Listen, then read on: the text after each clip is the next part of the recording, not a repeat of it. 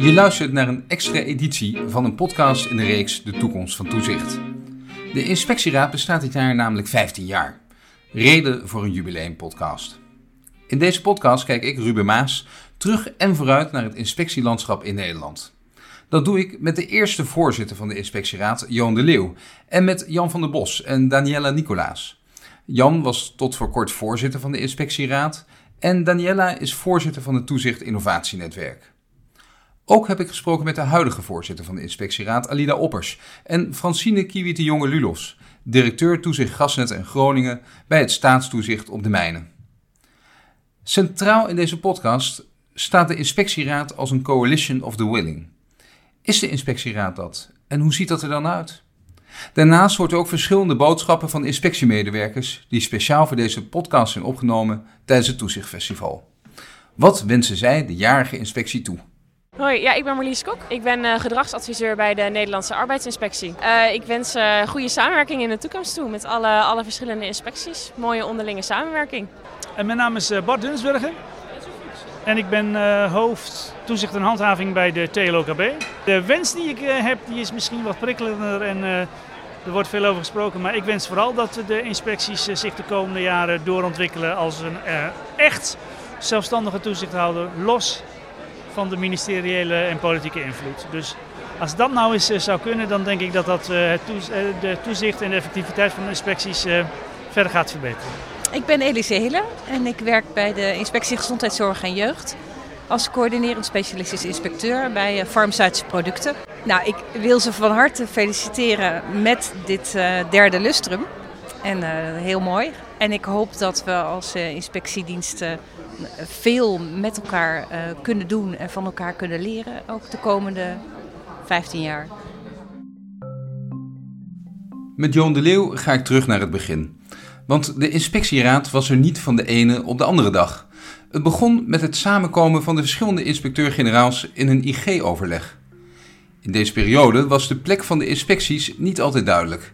Maar twee incidenten, de vuurwerkramp in Enschede en de cafébrand in Volendam, zorgden voor verandering.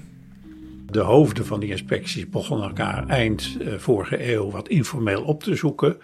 Dat was ook nog maar een klein clubje van misschien vijf, hooguit zes uh, bazen van de verschillende inspecties. Um, het begin van deze eeuw, dus een paar jaar daarna, werd dat wat serieuzer. Uh, dat IG-overleg, uh, later IG-beraad geheten. En toen begon het wat meer structuur te krijgen. En dan krijg je de vragen die je stelt, kwamen natuurlijk daar ook op tafel. Goh, vertel even, hoe pak jij dat nu aan binnen jouw departement en met de eenheden waar je mee aan de sleutel bent? Uh, en zo leerde men van elkaar waar het betreft organisatieontwikkeling, waar het betreft uh, de wijze waarop je uh, met programmering, met het inspectiewerk, hoe je risicoanalyses, informatievoorziening. Dus langzamerhand ontstonden er ook wat centrale thema's. Nou ja, wij werden ook steeds wat serieuzer via dat IG-beraad. Dus we werden ook echt serieuze gesprekspartner. En ik herinner me goed dat toenmalige kabinet en met name de minister uh, Zalm er ook in, minister van Financiën, die op zei, ja, wij zijn, staan nu aan de lat om de motie Abtroot te gaan uitvoeren. Dus uh, beste inspectie of IG-beraad, hoe staan jullie daarin? Nou, daar waren wij tegen, want wij vonden dat onvoldoende recht doen aan diversiteit, die je toch in het hele veld tegenkomt. Ik wil wel zeggen, je hebt één inspectie, maar dat wordt een merboire, een onmogelijkheid om goed te organiseren. Dus toen hebben wij nagedacht over uh, wat kan ons uh, uh, tegenvoorstel worden. En dat is eigenlijk de basis voor de inspectieraad geweest. Dus hebben wij gezegd van, we gaan altijd afspraken met elkaar maken. Daar staan wij als inspectiewereld, via de inspectieraad, er ook voor aan de lat. En daar kun je ons ook aan houden. En daar leggen wij verantwoording over af. En toen is de naam inspectieraad ook gemunt? Ja, toen is de naam gemunt, want toen was de reactie, uh, ja, en ik heb steeds het uh, gezicht van Gerrit Salle met zijn gulle lach daarbij natuurlijk voor ogen. Die zei, nou Johan, dat weet ik dan goed gemaakt. Dan gaan we jullie uh, ook formaliseren en inrichten. Sommige discussies spelen al vanaf het begin van de inspectieraad. Zoals de vraag of er niet één inspectie zou moeten komen. Maar ook de vraag naar de mate van onafhankelijkheid van de toezichthouders. Maar je, hebt mensen die zeggen van, nou ja, je onafhankelijkheid moet je onderstrepen door niet in een bestuursraad te gaan zitten als inspecteur-generaal. Uh, mijn mening is uh, uh, een andere. Ik denk dat, het, dat de onafhankelijkheid gewaarborgd wordt door de wijze waarop je je werk doet en de aard en karakter van de persoon. En dat het meerwaarde heeft om in de driehoek tussen beleid, uitvoering en toezicht je, je, je signalerende rol ook aan de tafel van de bestuursraad te kunnen uitoefenen. Nou ja, dat kun je alleen maar als je daar een normaal onderdeel van bent, uh, uh, vanuit je eigen onafhankelijke positie. Mijn ervaring is in de praktijk dat dat prima kan. Maar je moet wel alert zijn als inspecteur-generaal. Maar ja, dat zijn alle leden van de bestuursraad. Dat geldt voor een beleids-DG net zo. Uh, en dat maakt het ook leuk om in de bestuursraad te functioneren. Dat is ook voor de winstpersoon het beste. En daarom ben ik ook wel um, enthousiast en blij dat het kader nu van de discussie uh, van de WO, de wet op de openbare overheid, je nu uh, die verplichting gekregen op de afspraak is gemaakt dat elke uh, inspectie eigenlijk zo'n jaarrapportage, een soort state of the art op het terrein van. Want dat dwingt de inspectiewereld, en ik vind dat positief, ook om wat analytisch te kijken naar de signalen die uit inspecties komen.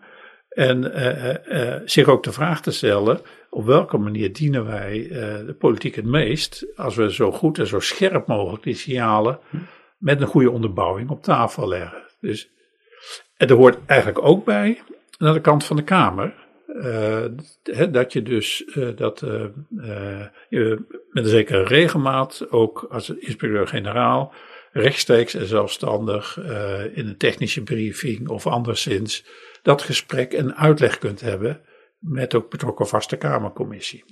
En, nou, dan heb je een beetje de cirkel rond over het functioneren vanuit de onafhankelijkheid van een. Uh, nou, die discussie speelde ja. toen uh, al heel nadrukkelijk. En ja, die, die is nog steeds aan de orde. Als voorzitter van de inspectieraad heb je een belangrijke rol. Je bent een soort primus inter pares, de eerste onder gelijken. Ik vroeg Johan, wat is volgens hem nou de belangrijkste eigenschap van een goede voorzitter? Een goede voorzitter van inspectieraad, het belangrijkste daarvan is dat hij, uh, dat hij verbindende eigenschappen heeft. Want de verschillende kikkers in de kruiwagen, daarvan is het toch fijn als die bij elkaar worden gebracht en uh, in gezamenlijkheid bepaalde richtingen bepalen, keuzes maken, et cetera. Uh, het tweede is, ehm, ja, je moet ook echt plezier en lol in het werkveld hebben. Het moet je aanspreken. Uh, als het iets is van, uh, nou ja, het staat op afstand van me, dan heb je het lastig. Dus zeg maar, um, echt verbinding met het werkveld en verbinding met de mensen uh, waar het om gaat, ook in de inspectieraad. Dat zijn voor voorzitter wel. En het derde is, ja, conceptueel. je, de, de, de, allerlei vraagstukken komen toch op een wat meer geaggregeerd niveau op tafel in vergadering van de inspectieraad, conceptueel van aard vaak. Ja, dan is het ook systeemtoezicht, spraken we net over. Dan is het toch fijn als je als voorzitter je een beetje thuis voelt in de aard van dat gesprek op systeemniveau. Eh, en probeert vanuit die gezamenlijkheid dan weer stappen vooruit te zetten. Dus dat denk ik wel een belangrijke derde factor.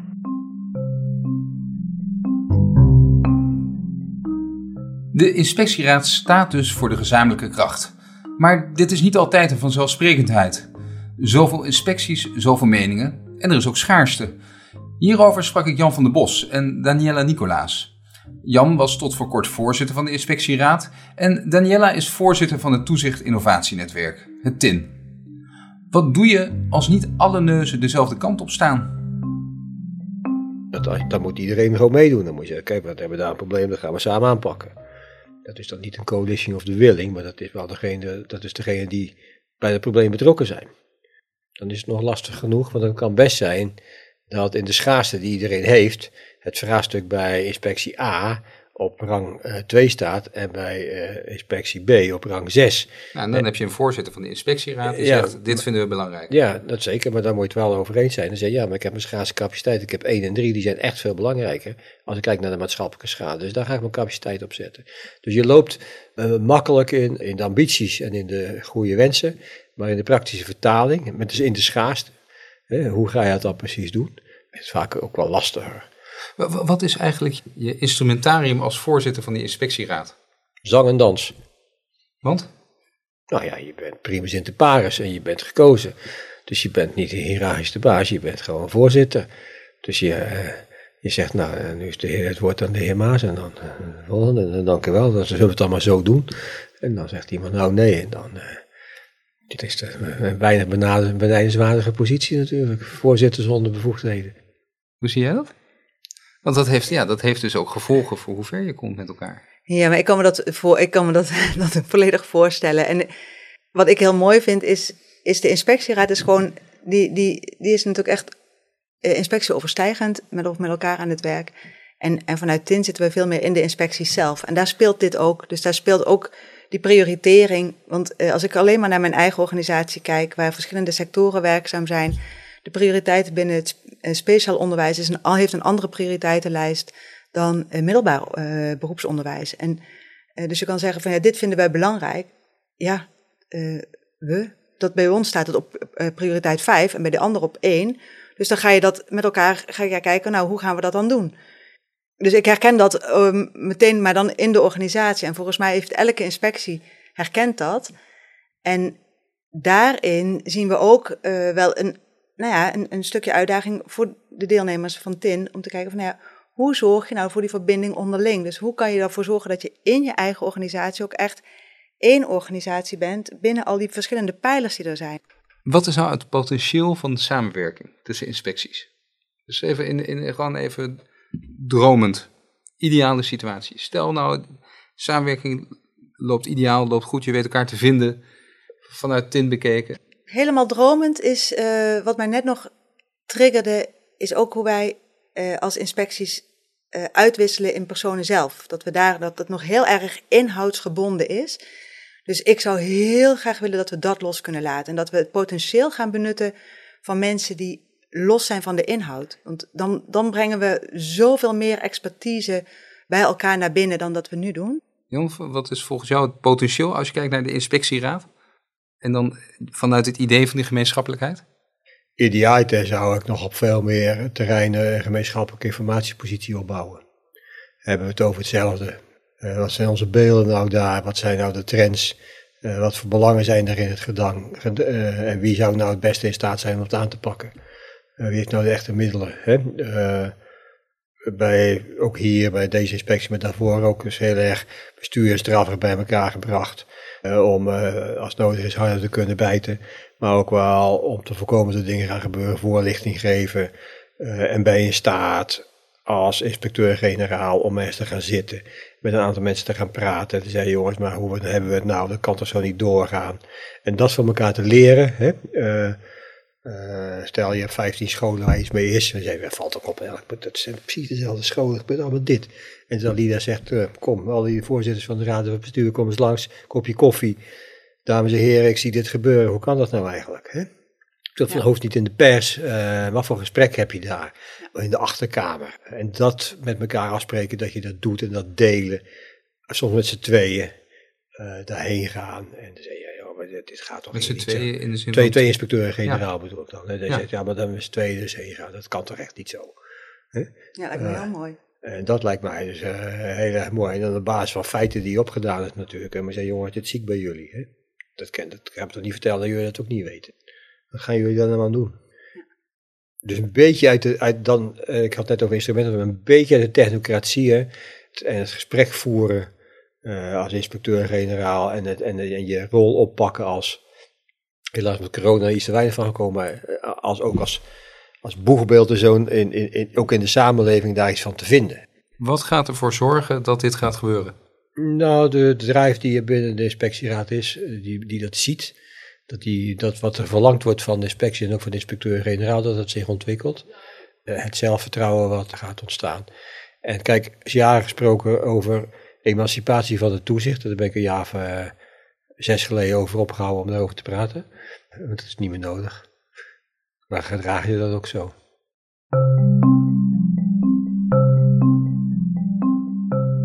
Dromen te over voor de inspectieraad van de toekomst. Maar wat staat de inspectieraad te wachten? Dit bespreek ik samen met de huidige voorzitter van de inspectieraad, Alida Oppers, en Francine Kiewit de Jonge Lulofs, directeur toezicht gasnetten in Groningen bij het staatstoezicht op de mijnen. Samen kijken ze vooruit. Wat zijn volgens hun de belangrijkste vraagstukken voor de komende jaren? Francine geeft de voorzet. Ja, dus eentje is natuurlijk de, de, digitalisering en digitale veiligheid. Hè?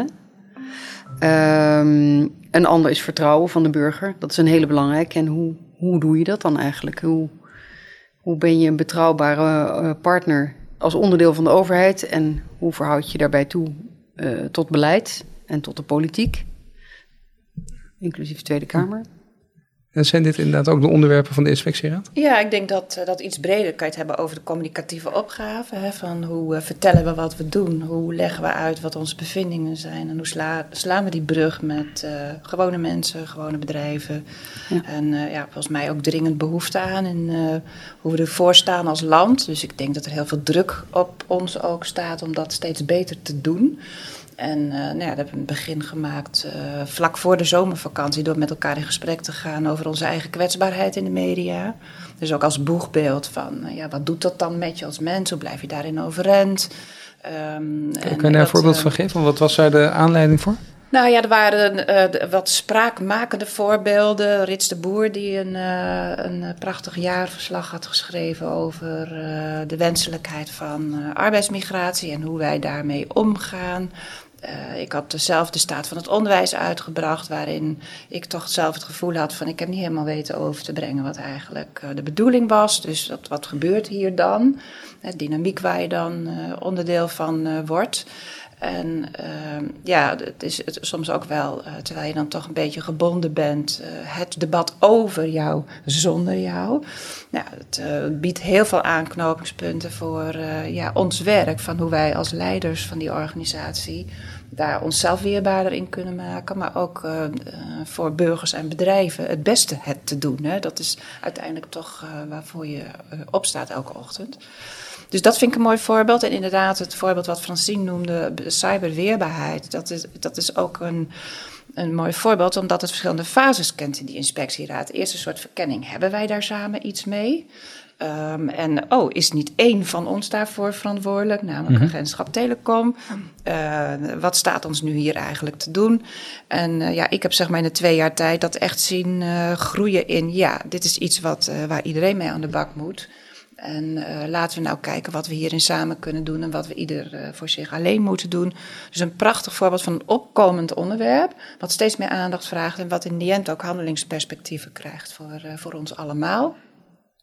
Waarbij het wel belangrijk is het halen en brengen. Dus dat is elke keer als het gaat om samenwerking, de coalition of the willing. Ja, dat vraagt de bereidheid om te brengen. Dus kennis brengen, inzichten brengen, specialisten brengen.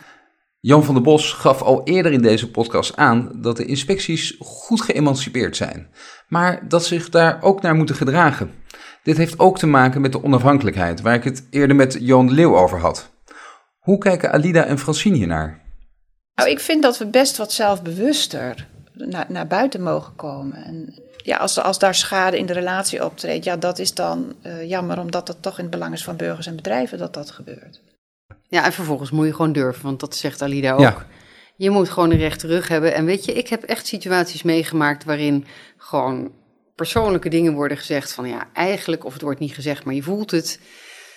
Dit is echt heel vervelend dat jij dit nu zegt en het is ook een minpuntje op je rapport. Dat, dat speelt soms gewoon toch. In, eh, als je iets zegt van het klopt niet hier, het dossier moet beter, of het beleid moet beter, of die wet klopt niet dat het gewoon helemaal niet uitkomt. En dan moet je toch gewoon overeind blijven staan en denken: Nou, jammer dan jongens dat je wat van mij vindt. Ik heb dit gewoon nu te zeggen.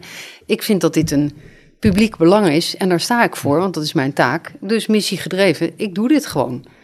Nou, dan is het even wat lastiger. Kost wat kost. Nou, je, je moet het natuurlijk op een zo goed mogelijke manier doen. Want als je tegenover komt te staan, elkaar komt te staan, dan ben je misschien minder effectief. Maar bottom line is dat de inhoud belangrijker is dan de relatie. Dat hebben wij wel echt zo besloten binnen SODM. Maar dat zal bij meerdere inspecties soms heel spannend zijn. Ja, ja, ja. Ja, inhoud uh, uh, zou de relatie niet mogen belasten. Ja. als het wel doet, is dan inhoud belangrijker dan de relatie? Ja, dan, dan, dan sta je opgesteld als toezichthouder om te vertellen wat je te vertellen hebt. Ja, is misschien een beetje abstract, maar wel dat we met z'n allen eigenaarschap hebben. Dus niet, uh, niet te veel uh, naar me toe halen. Um, dus, maar met, dus, met z'n allen of Coalition of the Willing? Nou ja, de, de, degene die daar aan tafel zitten, dat, die zie ik toch echt als de Coalition of the Willing. Want anders heb je aan die tafel niks te zoeken. Hè? Dus die, die, dat is de vooronderstelling. Mm -hmm. En uh, ja, ik proef wel uh, heel veel ambitie dat iedereen wel wat wil doen. Nou, daar de ruimte voor geven, uh, dat vind ik wel iets wat ik, waar ik bij kan helpen als, uh, als voorzitter. En waar we het net over hadden, die agendavorming, dat vind ik ook wel boeiend. Van waar zit nou de common ground waar mensen energie en inspiratie in vinden? Want het mag ook best wel leuk zijn hè? en interessant. Dus het, uh, ja, soms heb je corvée omdat dingen gewoon moeten en dan moet iedereen een beetje de schouders eronder. Maar ik denk ook bij zo'n coalitie of willing hoort ook inspiratie en energie en uh, positieve ervaringen opdoen. En dat kan in de werkvorm, hè, dat ik uh, uh, denk van, nou ja, we hebben nu werkgroepen die voor een deel ook al een beetje aan het eind van hun, uh, hun opdracht zitten. Uh, om op zoek te gaan naar werkvormen waarbij dat ook een beetje losgetrokken wordt. Dus dat je denkt, tjaka, ik mag weer naar de inspectieraad vanmiddag. Dat. Als je nou de, de inspectieraad in, in levensfases zou zien, hè? In wat voor levensfase zitten we dan nu met de inspectieraad? Hmm. Nou, ik zou zeggen een uh, adolescent. Ze, volgens mij, ik, ik was heel erg onder de indruk, want ik heb eerder in het toezicht gewerkt. En dat was bij het begin van het ontstaan van de inspectieraad. En nu het hele professionaliseringsprogramma, het aanbod wat we hebben voor uh, medewerkers zie. Dan denk ik, nou, wauw, dat is echt een uh, prachtig pakket wat daar ligt. Terwijl het met een leeg velletje begonnen is. Hè? Dus in termen van uh, levensfase zou ik dan zeggen, nou, dan ben je toch wel een heel eind uh, op weg naar volwassenheid. En uh, ja, waarom ik dan toch adolescent, dat is misschien ook iets in mij dat ik denk, nou ja, je bent nooit klaar, hè? Dus je, je, je mm -hmm. moet, er moet nog wel ruimte zijn voor, voor wat stappen en die, die is er volgens mij ook. Um, Mijn associatie adolescent is iets meer puber dan jongvolwassen. Ja. Zit ook iets recalcitrants in? Zit ook iets... Nou ja, dat die, die, die, uh, die enorme energie op wij willen een onafhankelijke positie... Die, dat is wel uh, misschien de ontworsteling van een puber aan zijn ouders. En daarmee is het verhaal van 15 jaar inspectieraad rond. Want net als de huidige voorzitter ziet ook de eerste voorzitter van de inspectieraad, Joon de Leeuw, de stappen die gezet worden naar volwassenheid. Nee, ik denk dat de, de inspectiewereld op de drempel staat van jongvolwassenheid naar volwassenheid toe. Dus uh, men moet nog een stap zetten, daar is men mee bezig. En ik heb alle vertrouwen dat, dat, uh, dat die zeker ook gezet wordt, zal worden, die stap naar volwassenheid.